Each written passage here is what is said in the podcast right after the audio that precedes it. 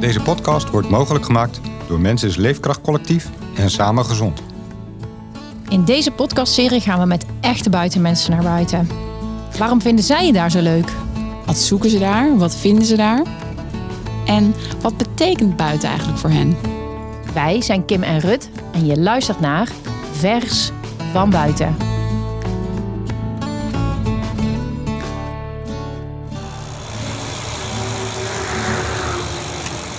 Vind het wel heel fascinerend. Het zijn echt zo twee werelden, twee compleet verschillende werelden naast elkaar, hè? Zo daar die snelweg. En dan hier Ja. dat groen, dat fluitenkruis, de mensen die hun hond uitlaten. De... We zijn erachter gekomen dat buiten de mooiste verhalen voor het oprapen liggen. Verhalen over mazzelzon en moddersproeten. Maar ook over tegenwind, dikke blaren. En in deze aflevering vertelt Marley wat hem naar buiten drijft. Hij gaat namelijk iedere dag op de fiets naar zijn werk en hij vertelt ons waarom hij het liefste fietst en waarom hij juist bij de Hartstichting is gaan werken. Wat heeft je daarbij geholpen? Eh, tijd. Ik denk dat dat simpelweg tijd is geweest. Eh, op zo'n moment als zoiets gebeurt, dan is het het meest verschrikkelijke wat je kan overkomen. Eh, ik denk dat ik eh, toen al gedacht heb van joh, ik zou nooit meer, de, ik zou nooit meer in mijn leven kunnen lachen. Eh, dat, soort, dat soort dingen. Maar ja, notabene eh, een paar dagen later, tijdens de, tijdens de begrafenis, eh, werden ook gewoon grappen verteld. En eh, werd er ook alweer gewoon gelachen, omdat die mooie herinneringen continu werden aangehaald. En ja, zo hou ik het ook graag in stand. Dus ik denk, ja, zeker als het over mijn vader gaat, dan denk ik aan die man met die glimlach. Ja, dat onthoud ik en dat neem ik mee. Vandaag fietsen we met Marley van zijn huis in Zoetermeer naar zijn werk in Den Haag. Met ook nog een extra lus door het groene hart. Eh, Marley is hier opgegroeid, dus hij kent de omgeving als een broekzak. Het weer is mooi, de zon schijnt. Wijs ons maar de weg, Marley. We zijn bijna klaar om te vertrekken. Ja, super. En eh, we gaan eigenlijk, eh, dat is zo bijzonder, we gaan eh, nou, best wel een stuk van de route fietsen die hij ook fietst als hij eh, elke dag de 12 kilometer richting de Hartstichting fietst. Wat leuk. Ja, dat is wel mooi. Dus jij gaat iedere dag op de fiets naar je werk, Marley? Absoluut. Ja, tenzij het keihard regent. Nou, werkfiets is één, maar vervolgens met een regenpak, het- die sla ik over. Regenpak is no-go. Een regenpak is, eh, ja, daar trek ik de streep.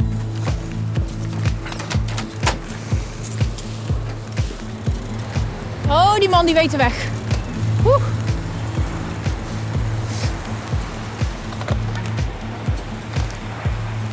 Daar merk je dan aan dat, eh, Hij fietst dit dat, vaker. dat, dat hij de route echt kent. Hè? Hij weet precies hoe en wat en links en rechts. En, eh, Wij komen bijna onder een auto. gaat goed, gaat goed. Sorry, dat ging iets te veel op routine. Met het fietspad gaan we naar links.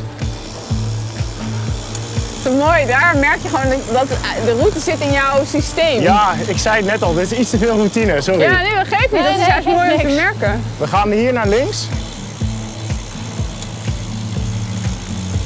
Ik ga ervoor door. Ja. En is er dan nog een moment geweest dat je hebt besloten... ik ga op de fiets naar mijn werk en niet meer in de file staan? Ja, eigenlijk wel. Ja, ik heb eh, jaren in Amsterdam gewerkt. Ik werkte in de, in de reclame, in de media. Ja. En ehm, ja, dat was hartstikke flitsend, hartstikke mooi. Veel reclamecampagnes verzonnen en verkocht ook. Daar lag ook wel echt de, de salesdruk. Het was een hartstikke leuk beroep en zeker in die tijd. En je bent er continu met een creatief proces ben je bezig.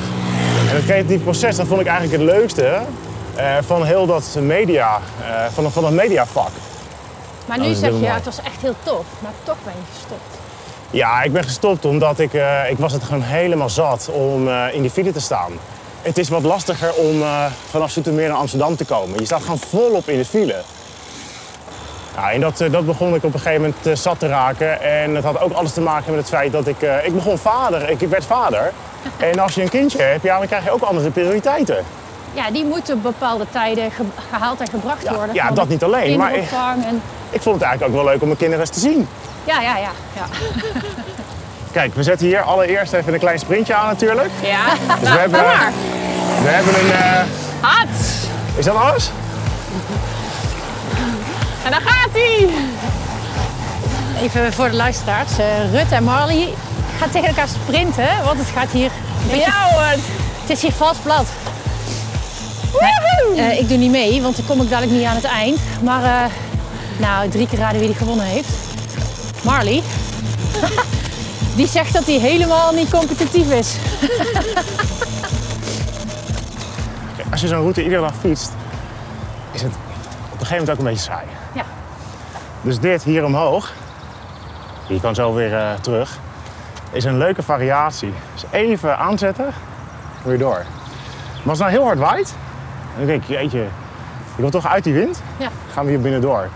Maar je hebt dus op jouw standaard woonwerk, die route heb je gewoon een aantal variaties. Ja, ik heb variaties eh, een beetje verzonnen. Nou, af en toe om het even een beetje eh, ja, leuker te houden. Maar dit park hier is het oudste park van Zoetermeer. Het Westerpark. Ja. En hier heb ik heel veel eh tienerherinneringen. Het begint ook te glimlachen. Ja. Ja, en vroeger stond ik aan de andere kant van dit heuveltje. Stonden wij met vrienden stonden we altijd buiten, stonden we vuurtje te stoken. Konden we muziek luisteren.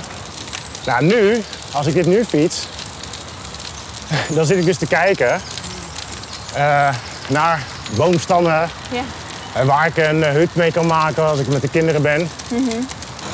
Ken jij kleefkruid? Ken je dat? Kleefkruid. Ja? Nee, ik weet niet wat het is. Oh, eh, oh hier is een stukje. Oh, Kleefkruid? Ja. We gaan op ontdekking. ja.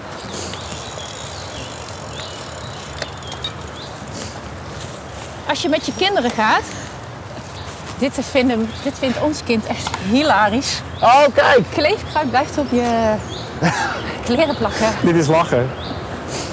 Ja, dan hebben we gewoon letterlijk en figuurlijk zitten we in het groen. Ja, en hier nog iets anders. Eh leuk zonder leuk. Ja, dat ruikt wel lekker Kan je mee koken? Oh, heerlijk. Ja, ik denk dan meteen aan de kruidenboter. Ja, kruidenboter. Ja. Op jouw route naar werk. Ja, dat wist ik niet eens. Leuk zonder leuk. Nou, hups. Dan leer ik wat eh, van jullie natuurlijk. Maar jullie leren dus van mij dat je in Zoetermeer ook hartstikke mooie natuur hebt. Ja, ik vind het prachtig. Leuk hè? Ja.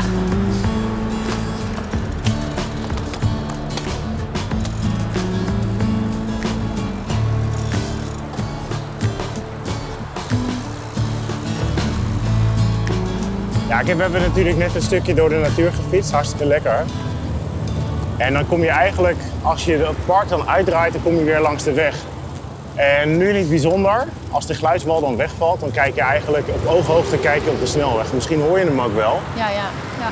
Maar in de ochtend is dit eigenlijk precies het stuk waar een aantal knooppunten, verkeersknooppunten, knelpunten bij elkaar komen. Het is heel dicht tegen de nagaan en hier staat dan ook echt een file. En als ik hier dan langs fiets, dan denk ik 's ochtends toch vaak wel van ja. Dames en heren, kom uit die auto. Zeg je dat netjes? Ik zou denken, Ja. sukkels. Nou ja, dat eh, zo ook. Maar dat was heel eh, politiek, eh, politiek correct. Ja. Ja, nee, kom gewoon lekker uit die auto, joh. En stap op de fiets. Het is allemaal niet heel gek ver. We hebben het nou gezien. Het is een hartstikke mooi fietspad. Kun je Ja. prima doen, s ochtends. Waarom zou je de moeite nog nemen om op de fiets te stappen of op de auto, in die auto te stappen? En dan zijn we bijna bij de plek waarvoor ik het, eh dat mediawereldje heb ingewisseld. Ik wil het wel even zien. Oh, het is hier aan de rechterkant. Ja, we fietsen dus nu langs de Hartstichting. Het gebouw staat hier, een wit gebouw. Naast station Ipenburg. Hupsa, logootje erop. Niet te missen. Absoluut. Dan eh, hier naar rechts. Rechts.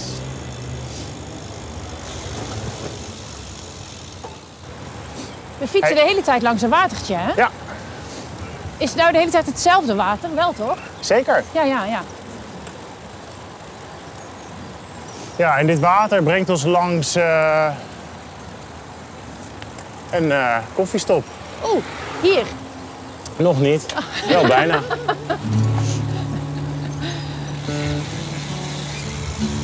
Dit lijkt me een leuke plek. Top, super.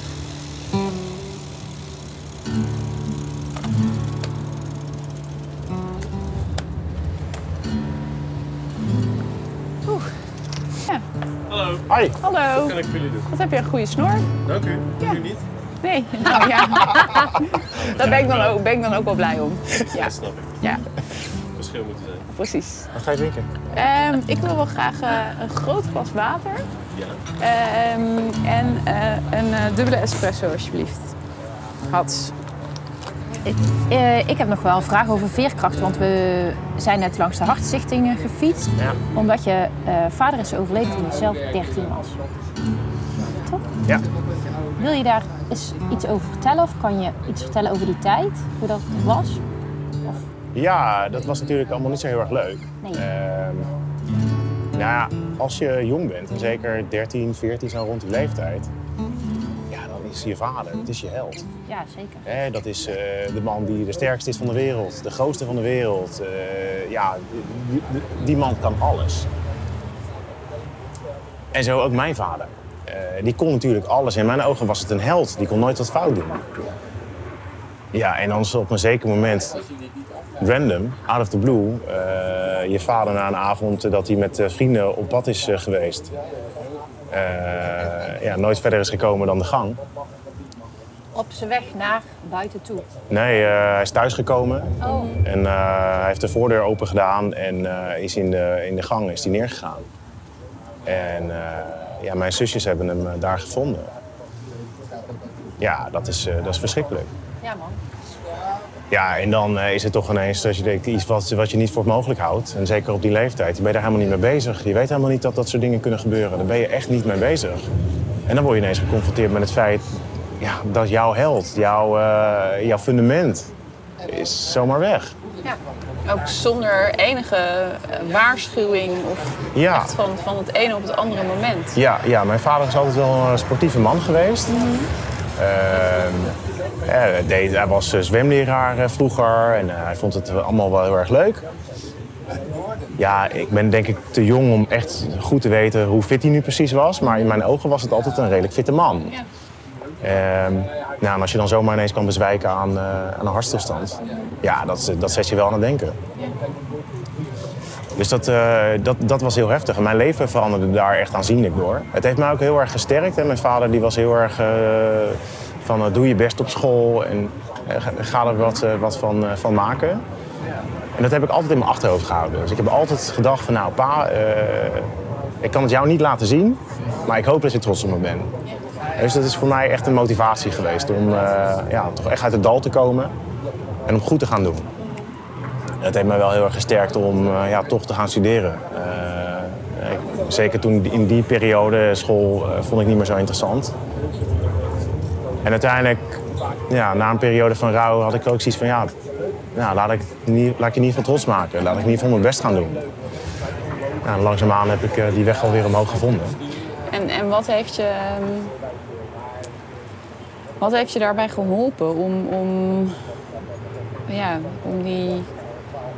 Ja, ik kan me voorstellen dat het, dat het niet een switch is, maar dat het meer eh, ja, gradueel gaat, zeg maar. Dus dat je niet ineens de knop om kan zetten, en maar dat je, je zegt ook uit dat, uit dat dal komen. Ja. En hoe, hoe, wat, wat heeft je daarbij geholpen?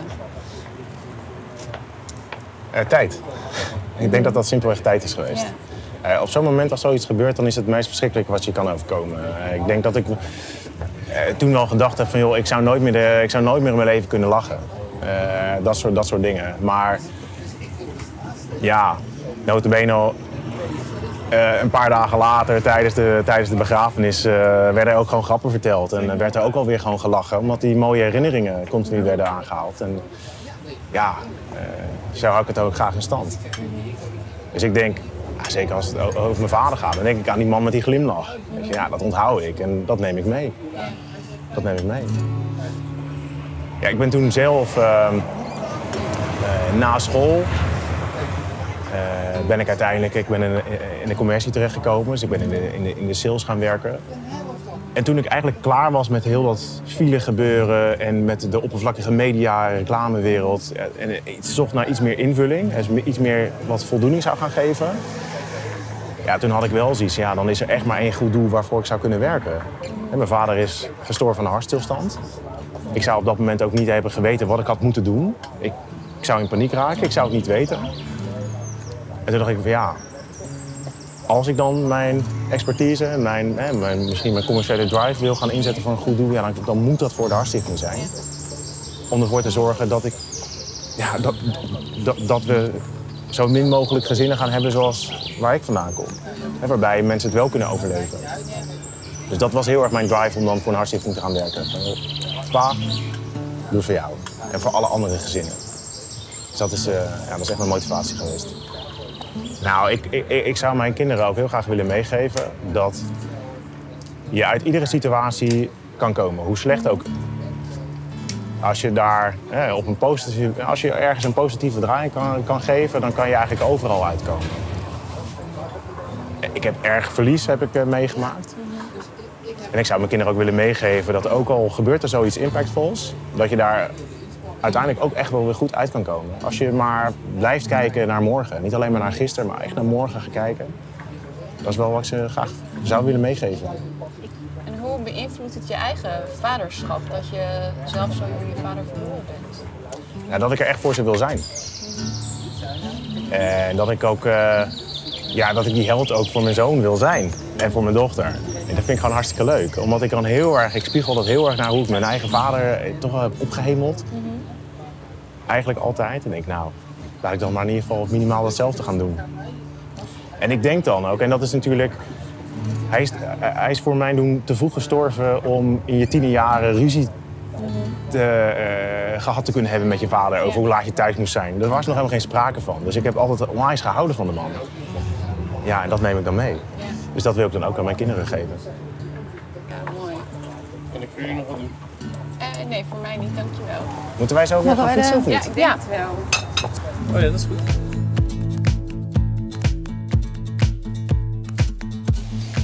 Ja, en ik zou dan eigenlijk ook voor geen ander goed doel willen werken dan voor de Hartstichting. En ehm, Wat, wat doe jij nu specifiek voor de Hartstichting? nou, ik ben een van de relatiemanagers, corporate partnerships. En eh, wat levert jouw werk een hartpatiënt nou op dan? Ja, dat is een hele complexe vraag. Ehm, en dat, dat, dat antwoord is misschien ook niet zo heel simpel. Maar als ik het probeer uit te leggen, dan is het wel zo dat met samenwerkingen met het bedrijfsleven. eh, als je een, een, een samenwerking hebt met bijvoorbeeld een partij als Philips. Hè, die hebben ons dan geholpen bij het neerzetten van het zes minuten. eh, ja, van de zes minuten zone, hè, het buurt-AID-concept. Oh, oh, dan moet je me even helpen. Vertel. Zes minuten zone en het buurt-AED-concept. Ja, ja. ja het is zo dat er eigenlijk wordt gezegd dat als je bij een hartstilstand, Ja? Eh, als je binnen zes minuten geholpen kan worden, dan vergroot dat de overlevingskans aanzienlijk. En als je... Kijk. Mooie natuur, hè? Ja. Ja, dat is de Haagse vogel natuurlijk, hè? Ja, ra ja dat moet, moet, kan, moet ik niet proberen, maar rager. De Een raga. rager op een, op een, op een haafkar en die eet een broodje A met A, zoiets. Ja. Ik ga het ook niet proberen. Ik ben een zoetermeerder, dus ik ga het ook zeker niet proberen. Nee, we krijgen nu Maar als Groninger eh, doe je het hartstikke goed. Nou, dank. Maar goed, het zes minuten concept. Er moet dus... eh, Ja, als, moment- als, als je binnen de zes minuten eh, gereanimeerd zou kunnen worden, Ja? bij een hartstilstand, dan vergroot het je overlevingskansen aanzienlijk. Maar ook de kwaliteit van leven na reanimatie. En ehm, Philips en de Hartstichting hebben toen jaren geleden de handen ineen gesloten om het buurt-AID-concept neer te zetten. En dat was eigenlijk een soort crowdfundingsplatform, waarbij je kon crowdfunden voor jouw wijk. Ah, wat mooi. Dus specifiek voor jouw wijk. Of voor eh, je buurthuis of club of bibliotheek. Ja. Kon je per postcode, kan je dan, ja die site is eh, nog steeds up and running, buurtid.nl. En dan kun je kijken hoe het eigenlijk met de dekkingsgraad zit in jouw wijk. Ja, ja. Hallo, ik ben Karine van het Land. Ik ben arts maatschappij en gezondheid en ik werk bij Coöperatie Mensis als zorgexpert leefkracht. Wil jij nou weten hoe jij je hart- en vaatstelsel zo gezond mogelijk houdt?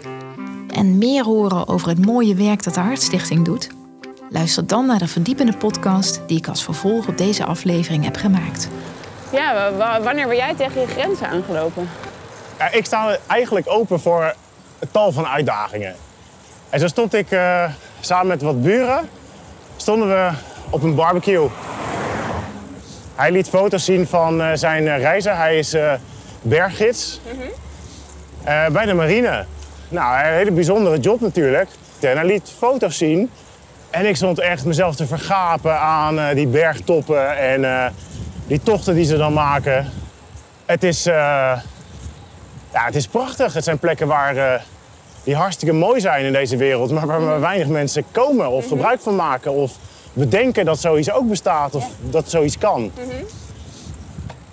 Dus hij eh, vroeg later van ja, vind je dat tof om eens mee te gaan? Als je dat leuk vindt, kunnen we er toch een keertje heen? Nou, ik zei meteen ja. Ik wou zeggen, er was voor jou maar één antwoord mogelijk natuurlijk. Ja, ik zei ja, natuurlijk. En een aantal andere buren die riepen eh, ook ja, gaan we doen. Nou, puntje bij paaltje was ik de enige die die ja ook echt meende. Oh ja. Nou ja, prima. Dan ga ik wel. Nou, dus wij eh, trainen. Hij had me in de achtertuin had hij me al wat eh, technieken uitgelegd. Hè, hoe je een touw moet eh, knopen. Ja. Nou, oké, leuk. Ja, prima. Dat, Oké, I got this. Dit, dit heb ik wel, dacht ik. In die achtertuin. Ja, tuurlijk. ja. Ja hoor. Ja, ik heb het twee keer gezien, dus dat lukt me wel. Oh ja, oh ja. Een gezonde dosis zelfvertrouwen is jou ook niet vreemd, zeg maar. Nou, Op dat moment. Op dat moment. ja. we gingen naar boven. Naar de eerste berghut, tussenstation. En dat was al een flinke wandeling vanaf de skilift. Dus je gaat een gedeelte met wat je, wat je al kent. Maar dan ga je ineens linksaf. Waar de, normaal gesproken rechts de piste is, Oh ja. ga jij ineens linksaf. Nou, dat was een wandeling. Eh, hij zei, ja, we lopen naar die berghut toe. Nou, dat was voor mij al niet meer lopen. Dat was echt al heftig klauteren. Oh ja. Tussen bergen, rotsen en eh, kiezels die naar beneden vielen. Oké, tof. En we zijn, eh, toen we bij die berghut aankwamen, ik vond het heel erg indrukwekkend. We keken uit op een gletsjer. Zijn we uiteindelijk in de gletsjer zijn we diezelfde oefeningen in de achtertuin zijn we nog een keertje gaan doen. Nou, dus ik ging in dat ravijn, ik keek naar beneden. Ik denk dat het, nou, diep. Uiteindelijk hebben we me kunnen redden. Zwaar, ik had er nog steeds vertrouwen in. En die nacht, midden in de nacht, zijn we begonnen aan die beklimming. Ja, dat was natuurlijk heel erg indrukwekkend. Het was eh, donker, gitzwart. Je zag helemaal niets. Het enige wat we zagen dat was het licht wat we op onze helm hadden. En je hoorde dan zo'n beetje eh, het kraken van, het, eh, van de gletsjer. En je hoorde wat, wat steentjes naar beneden rollen en dat galmde in die, in die gletsjer galmde dat echt. Dus het was heel erg indrukwekkend. Heel erg mooi. Ja, vervolgens kwam de zon kwam, kwam op. Ja, daar heb ik echt eventjes... ja, daar heb ik echt even van staan genieten. En toen op een gegeven moment kwamen we op een punt. Ik kreeg het koud. Eh, ik had toch niet echt meer het zelfvertrouwen. Wat ik daarvoor nog wel had. Maar het was zwaar. Je hebt te maken met ijle lucht. Oh, ja. Ik was onvoldoende geacclimatiseerd. Ah, je lijf is natuurlijk ook begint vermoeid te raken. mijn lijf werd kop, moe. al die indrukken, jongen, dat Ja, ook... al die indrukken. En op een gegeven moment moesten we dan over een sneeuwveld. En die, die sneeuw die kwam recht op ons af. En die wind. En hij was aan het genieten.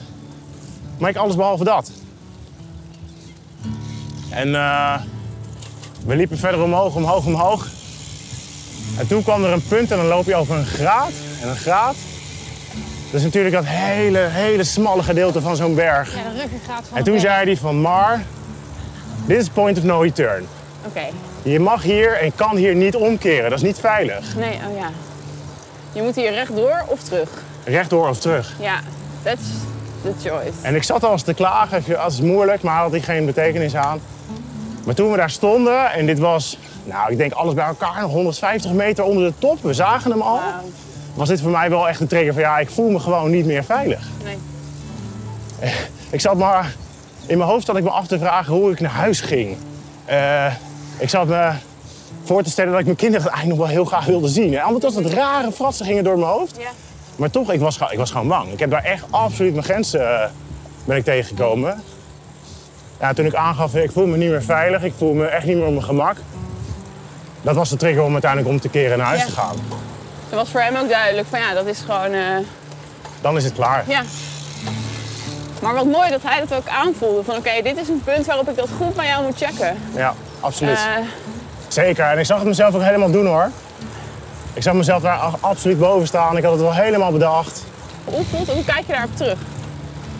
Ah, ik vond het een prachtige ervaring. Maar je grenzen aangeven tot hier en niet verder, vind ik belangrijk. En heb je dat op die berg geleerd of kan je dat al? Eh, ik denk dat hij nooit zo concreet is geweest als daar midden op die berg. Omdat ik daar. eh, ja, dit klinkt heel gek en misschien wel melodramatisch zo gezegd.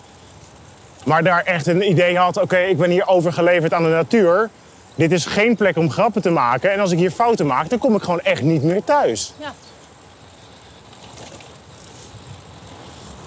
Nou, eerst, ik, weet, ik denk dat het realistisch is in plaats van melodramatisch. Maar omdat je om bent gedraaid en de top niet hebt gehaald... eh, ik zou de neiging hebben om daar Ja, en ik, inderdaad verdrietig over te zijn. ja, iets in mij zegt dat ik het toch nog wel een keer opnieuw wil proberen. maar aan de andere kant, ik weet ook heel goed waarom ik ben omgedraaid. Dus misschien toch maar even lekker laten gaan. En eh, een uitdaging pakken en weer iets anders. Ja, precies. Ergens onderweg leggen we Marley ook nog een aantal dilemma's voor. Als ik één buitending mee mag nemen naar een onbewoond eiland, dan is dat... En Amerika voetbal. En een merk voetbal. Oh, wauw. Als ik iets heel spannends moet doen dat ik eigenlijk niet durf, dan doe ik dit. Liever niet. Dit denken mensen vaak over mij, maar klopt niet. Dat ik super sportief ben. Bestemming bekend of op de Bonnefoy? Bonnefoy. In mijn leven reis ik het liefste met een kompas of Google Maps. Google Maps. hey, we fietsen nu in eh Wauw, Leidschendam. dit is mooi zeg. Langs het welbekende sluisje. Mooi hoor. Ja, Wit, groen, oude geveltjes. Oeh, een ijskotent.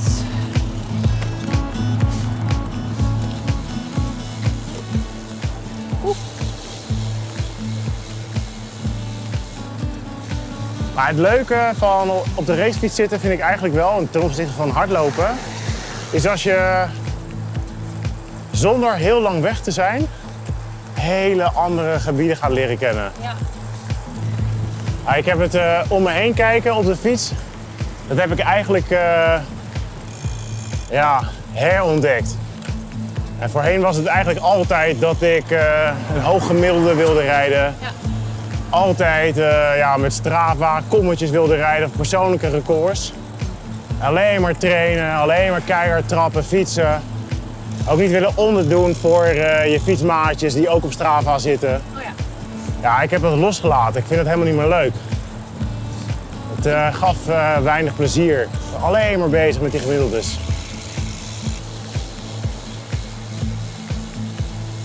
Nou, ik wil vooral even vertellen dat wij inmiddels weer voor het huis van Marley staan. Dat eh, we een prachtig rondje hebben gefietst. Ja. Zoetermeer, richting zijn werk. Nou, ik kan allemaal niet opnoemen waar we zijn geweest. Maar het is hier hartstikke groen en mooi. Alle bloemetjes staan in bloei. Ja. Dat is prachtig, dus dank je wel daarvoor. Heel graag gedaan. En ik wil graag weten, wat, eh, wat wil je onze luisteraar nog meegeven? Nou, ik denk dat het allermooiste misschien wel is dat eh, sportief bezig zijn of sowieso in beweging zijn eigenlijk voor iedereen is weggelegd. En eh, je hoeft echt niet op een racefiets te stappen om lekker in beweging te kunnen zijn. En ja, het zijn die kleine stapjes, die kleine veranderingen die er echt voor kunnen zorgen dat je een heel stuk gezonder kunt bezig zijn. Eh, dus het is, het is echt daadwerkelijk voor iedereen weggelegd. Dat wat ik graag eh, ja, toch echt wel nog zou willen zeggen. Je luisterde naar Marley. Dit was Vers van Buiten. De volgende keer gaan we zwemmen met Kirsten. Wil je meer weten over de locatie of de route van deze aflevering? Of wil je dieper in het thema duiken? Ga dan naar www.mensis.nl slash podcast. Ga voor een gezond steuntje in de rug naar samengezond.nl. Meer hulp nodig bij een gezonde leefstijl? Ontdek op mensens.nl slash leefkracht wat we voor jou kunnen doen.